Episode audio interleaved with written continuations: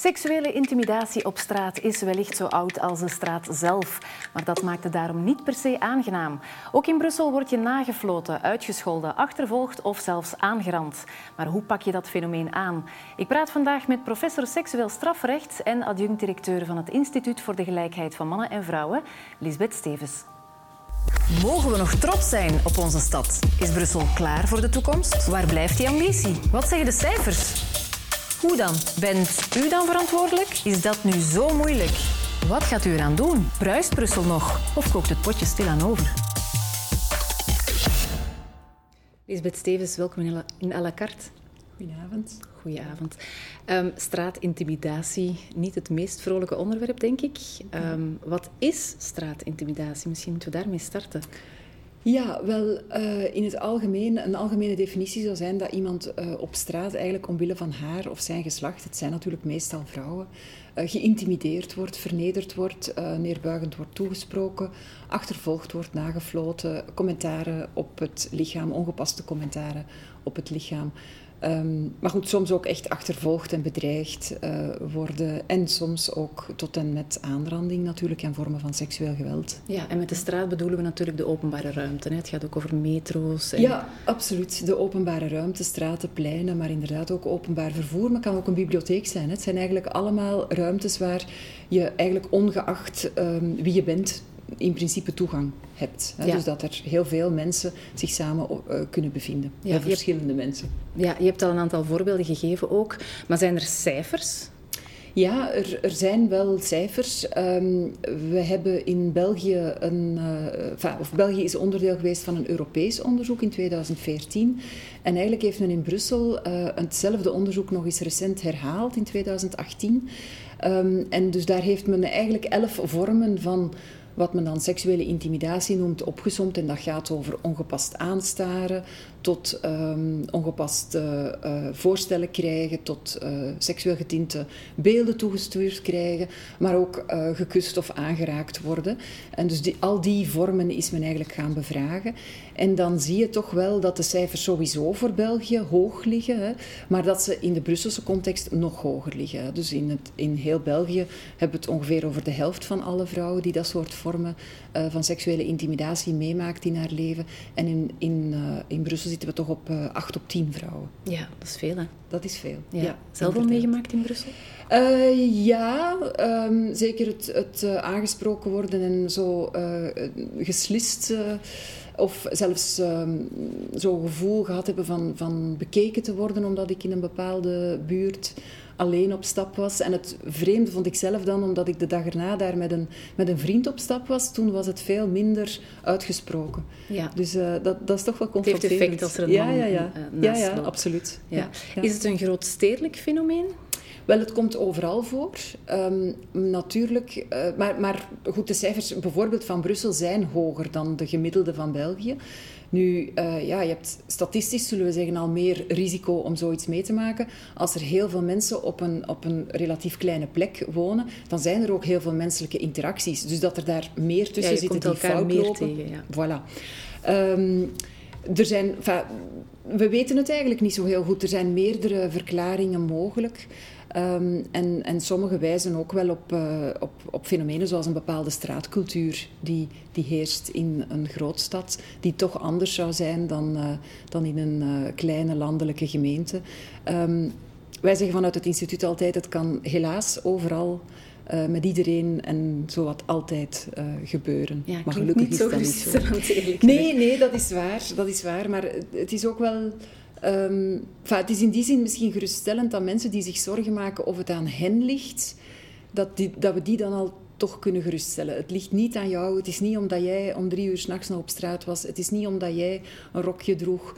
Um, het gebeurt met mensen die een jeans dragen en helemaal ingepakt zijn, om het zo te zeggen. Het gebeurt om in de voormiddag, in de namiddag, s'avonds, nachts. Ja. Um, en het, gebeurt, het kan gebeuren op, uh, ja, overal. Ja, misschien moeten we eens naar de daders gaan kijken, hè, als die al bekend zijn, want dat is niet zo evident natuurlijk om, om te zeggen van die of die was het. Um, zijn er daderprofielen op dit moment? Wel, we weten wel een aantal zaken. Dus we weten bijvoorbeeld specifiek voor seksuele straatintimidatie dat daar uh, ja, eigenlijk de meerderheid van de daders zijn, zijn mannen. Wat je soms ook wel ziet is dat uh, mannen en vrouwen samen eigenlijk iemand anders seksueel intimideren. Maar de meerderheid van de slachtoffers zijn vrouwen en de meerderheid van de daders zijn mannen. Ehm, en verder weten we eigenlijk heel weinig over die daders en hebben we meer onderzoek nodig. Zitten we eigenlijk nog veel meer in de hypothese, zullen we maar zeggen. Ehm, wat we bijvoorbeeld wel weten is dat mensen die heel stereotype opvattingen hebben over man-vrouw verhoudingen, dat die ook meer vergoelijkend gaan zijn over dat soort vormen van seksuele intimidatie en zelfs vormen van seksueel geweld. Hè. Makkelijker gaan denken dat het eigenlijk toch wel een beetje de schuld van het slachtoffer is. Um, en wat we ook weten is dat mensen die heel religieus zijn, dat die um, heel vaak ook heel sterke ideeën hebben over die man-vrouw verhoudingen. En je zou dus zo'n intellectuele hinkstapsprong kunnen doen, hè, van dus mensen met heel sterke religieuze uh, opvattingen hebben heel sterke uh, opvattingen over man-vrouw verhoudingen en zouden dus mogelijk wel eens wat meer vergoelijkend kunnen zijn over allerlei vormen van, van uh, seksistische intimidatie. Wat daarbij dan wel een heel belangrijke opmerking is, is dat het niet omdat je bepaalde dingen denkt, dat je ook dat soort gedrag stelt. Hè.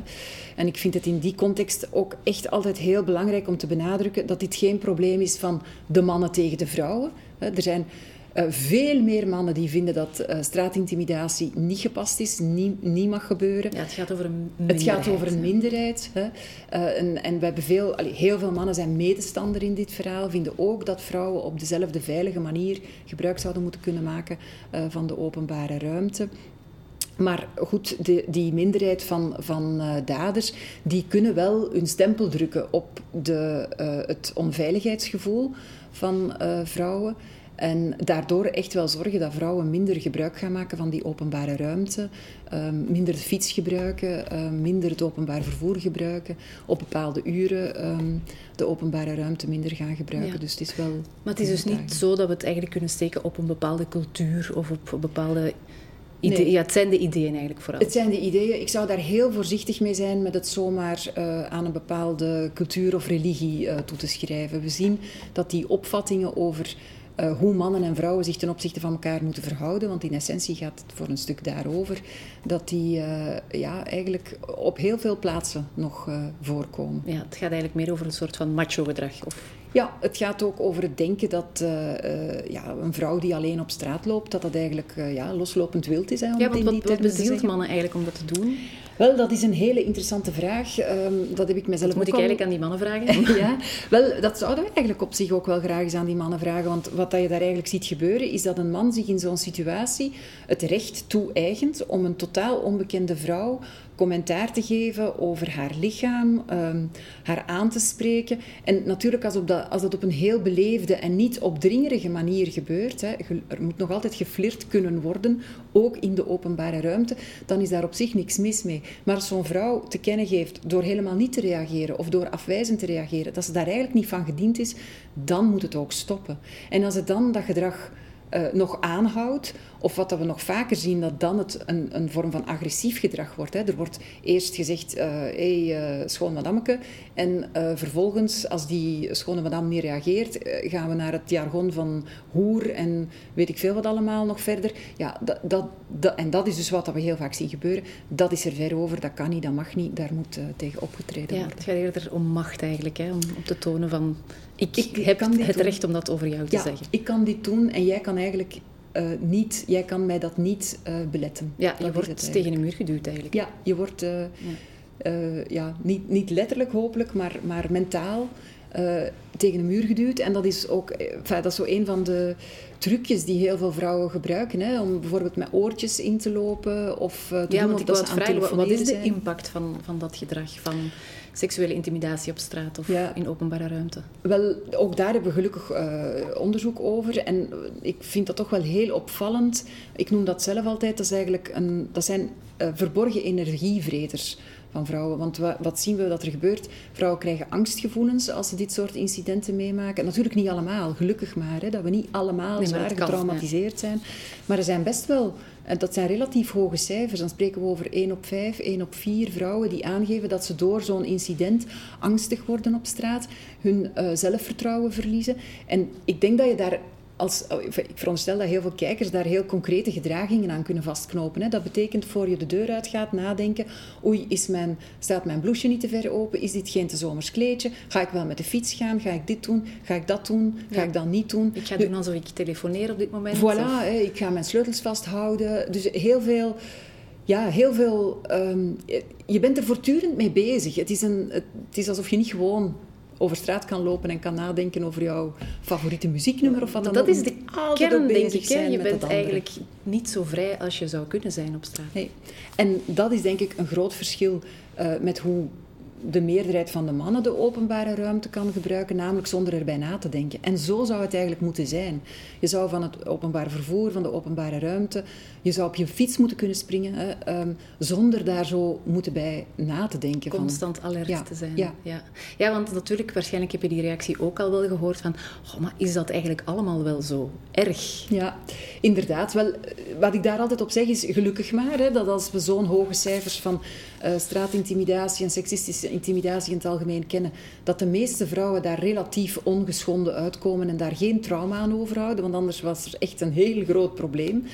Um, maar het, het, blijft wel een gevoel, het, het is onrechtvaardig. Vrouwen en mannen zouden op gelijke wijze gebruik moeten kunnen maken van de openbare ruimte, van parkjes, van bibliotheken, van het openbaar vervoer. En dat is nu niet het geval. En dat betekent soms dat vrouwen meer uitgeven dan mannen om hetzelfde uh, gedrag uh, te kunnen stellen. Hè. Bijvoorbeeld, vrouwen nemen niet meer de trein of de tram of de bus, maar nemen een taxi, wat meer kost. Of vrouwen um, gaan na bepaalde uren of op bepaalde momenten of niet op bepaalde plaatsen uh, naar, naar een feestje of zo, om, omdat, dat, omdat ze gewoon het gevoel hebben dat ze dan um, gevaar ja, of regelen inderdaad een vriend die, dan, die hen dan thuis brengt. Of... Ja, ja, en dan durf ik niet zeggen dat als we dan uh, naar, kijken naar cijfers over seksueel geweld, hè, wat natuurlijk nog iets anders is dan seksuele, uh, of seksistische intimidatie, dat het daar dan wel weer vooral bekenden zijn die een gevaar vormen voor, uh, voor slachtoffers. Hè. Dus het, is, het is heel erg ja, dansen op een slappe koord, heb ik soms het gevoel. En vrouwen zijn daar heel intensief en vaak mee bezig. En is dat heel erg? Wel, het is niet rechtvaardig. Mm Ja, wat gaan we eraan doen natuurlijk? Hè? Want uh, die, de seksismewet bestaat ook al sinds 2014 intussen. Onder andere na de reportage uh, van Sophie Peters van de La Rue, uh, die het eigenlijk ja, mee heeft aangekaart. Maar doet Brussel genoeg om het probleem aan te pakken? Wel, ik moet wel zeggen, dus eh, zelfs al in die eerste periode, uh, in 2014, uh, eh, hebben bepaalde Brusselse politiekorpsen extra inspanningen gedaan met gasboetes op dat, ook, op dat moment ook, om, um, om dat fenomeen toch te capteren, zal ik maar zeggen. Nu, die wet is een heel belangrijk symbolisch signaal geweest. Ik denk niet dat er heel veel mensen zijn die denken, in, in die wet worden gevangenisstraffen en boetes opgelegd daarmee gaan we, gaan we de mentaliteit niet veranderen, zeg maar. Uh, maar de straffeloosheid moet wel doorprikt worden. En in dat opzicht is het toch heel erg bemoedigend dat een aantal politiezones in Brussel nu aan het experimenteren zijn met, uh, ja, het heet dan lokagenten. Ja, je bent niet zo... fan van die term, hè? Nee, ik hou niet zo van dat woord, want wat zijn lokagenten de facto? Dat zijn gewoon vrouwen zoals jij en ik, die in burgers, hè, eh, het zijn wel politievrouwen, maar die in burgerkledij over straat lopen en die eigenlijk onmiddellijk kunnen vaststellen wat er hen toegeroepen wordt of toegeslist wordt. Um, en die vaststellingen zijn ook uh, onmiddellijk, die hebben onmiddellijk bewijswaarde um, in, een, in een rechtszaak. Dus dat is... Um, Enfin, dat, het, het, drukt een, het lijkt een beetje te suggereren dat een vrouw die in gewone kleren over straat loopt, dat soort gedrag uitlokt. Hè? Want vandaar het woord lokagenten. Dus daarom hou ik niet van dat woord. Maar, ik hou van de aanpak. Absoluut. Het is heel erg belangrijk. We weten ook dat, dat heel veel slachtoffers van straatintimidatie gaan dat niet rapporteren um, bij, bij de politie, omdat men denkt van ja, het duurt langer om het te rapporteren dan het gebeurde. Uh, uh, ik weet ook niet wie het was, hè, want het is in de grote meerderheid van de gevallen voilà, een onbekende. Dus, Raad je uh, aan om het wel te doen? Ja, eigenlijk wel. Nu, ik vind vooral ook dat de samenleving zou moeten inzetten op heel makkelijke manieren om het te rapporteren. En dat hebben we ook in de COVID-crisis gezien. Opnieuw in Brussel, dat een aantal uh, politiezones op dat vlak eigenlijk de, de, een, een digitale uh, melding van dat soort gedrag mogelijk gemaakt hebben. En ik denk dat dat belangrijke gegevens zijn, ook om dan op een efficiënte manier bijvoorbeeld die lokagenten te kunnen inzetten, um, om ja, ook wel een beetje de last van het doen naleven van deze regelgeving weg te halen van de slachtoffers. Want er zijn ook heel veel andere misdrijven waar dat we eigenlijk niet wachten tot als een, tot als een doelwit of een slachtoffer daar actie rond onderneemt. Ja, drempels verlagen eigenlijk. Ja, absoluut. We zouden nooit zeggen de snelheidsbeperkingen, we gaan dat overlaten aan slachtoffers van een hardrijder, die moet dan maar aangifte gaan doen. Nee, wij als samenleving vinden dat dat, gedrag er niet bij hoort. En dus zetten we, de politie er wakker van als samenleving? Er is meer eh, bewustwording, hè? dat merk ik ook. Ja, er is, eh, ik, maar dat ik denk is wel, nog maar een stap. Dat is een stap. Maar het is wel een heel belangrijke eerste stap. Ik heb dat gezien uh, natuurlijk in de context van MeToo. Maar in, in, in alle eerlijkheid, in, in Brussel en in België uh, ook uh, naar aanleiding van de hashtag Wij overdrijven niet. Hè, dus dat was een beetje eerder dan MeToo, waarin eigenlijk ook die, die straatintimidatie aangekaart werd. Um, dus er is, er is, er, het wordt meer besproken, want ik denk dat je je daar ook wel moet bewust van zijn. Heel veel mannen um, wisten in ieder geval niet hoe vaak dat gedrag uh, voorkomt. Hoe vaak het is dat, dat meisjes en, en, vrouwen daarmee geconfronteerd worden. Ja, en als iemand het niet weet, kan je ze ook eigenlijk niet verwijten dat ze geen actie ondernemen. Ja, maar dan hebben we het natuurlijk over al die andere mannen, maar de mannen zelf die het gedrag stellen, ja, eigenlijk gaat het daar toch over. Dat zij moeten Absoluut. heropgevoed worden, is misschien wat sterk uitgedrukt, maar toch. Er zal toch in ieder geval iets moeten gebeuren. Hè? Want uh, zoals we daarnet eigenlijk al zeiden, zo'n man denkt dan dat hij het recht heeft om dat te doen. En die boodschap moet wel overgebracht worden van nee, je hebt dat recht niet. Hè? Die vrouw heeft het recht om in alle rust de openbare ruimte te gebruiken. En dus dat is um, denk ik ook heel veelbelovend. Um, in Luik, waar men ook met, uh, met het, uh, de aanpak van de lokagentes werkt, daar worden daders eigenlijk meteen um, ja, met, met lichte dwang, zal ik maar zeggen, naar een organisatie gestuurd die met hen eigenlijk een vorming doet over man-vrouw verhoudingen, over seksistische opvattingen, ook over het effect dat dat soort gedrag op een vrouw kan hebben. Want ik denk dat ook heel veel daders zich daar niet bewust van zijn, dat als zij dat soort gedrag stellen, dat dat ertoe bijdraagt dat vrouwen zich zo onveilig voelen. En preventief moeten we bijvoorbeeld, ik zeg maar iets, leren flirten in de klas? Wel, um, er is gelukkig al uh, seksuele en relationele opvoeding en dat, daar mag zeker nog altijd een tandje bijgestoken worden. Maar wat ik zelf heel belangrijk vind en ook wel heel vreemd vind dat we dat niet doen, dat is we doen dat nu allemaal tot, uh, tot en met het middelbaar, zeg maar. En dan gaan jonge mensen naar de hogeschool, naar de universiteit. Heel vaak gaat het samen met voor het eerst alleen wonen, hè, voor jezelf moeten zorgen. En dan de, de hele uitdaging van je seksuele en relationele ontwikkeling. En ik heb soms het gevoel dat we jonge mensen het bos insturen en zeggen, kom eraan aan de andere kant maar veilig uit. Hoe dat je moet doen, ja, trek je plan.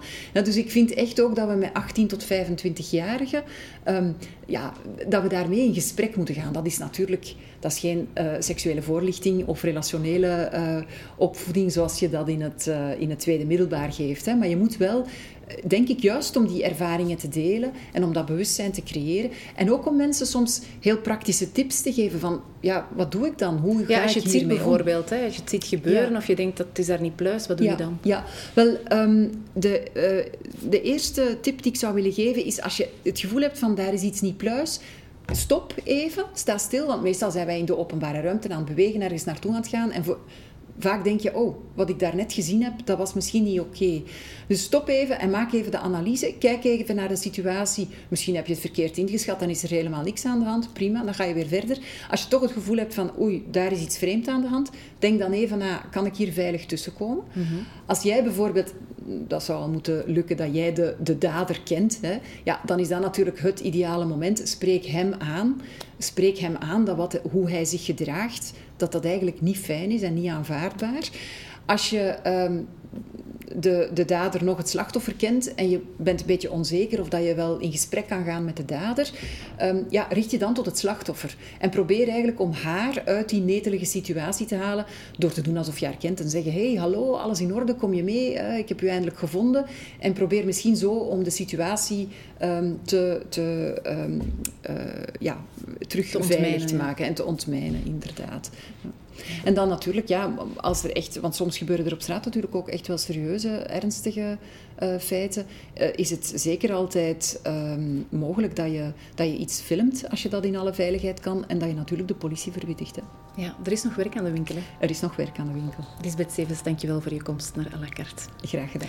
En bedankt ook voor het kijken thuis. Volgende week is het aan Lucas.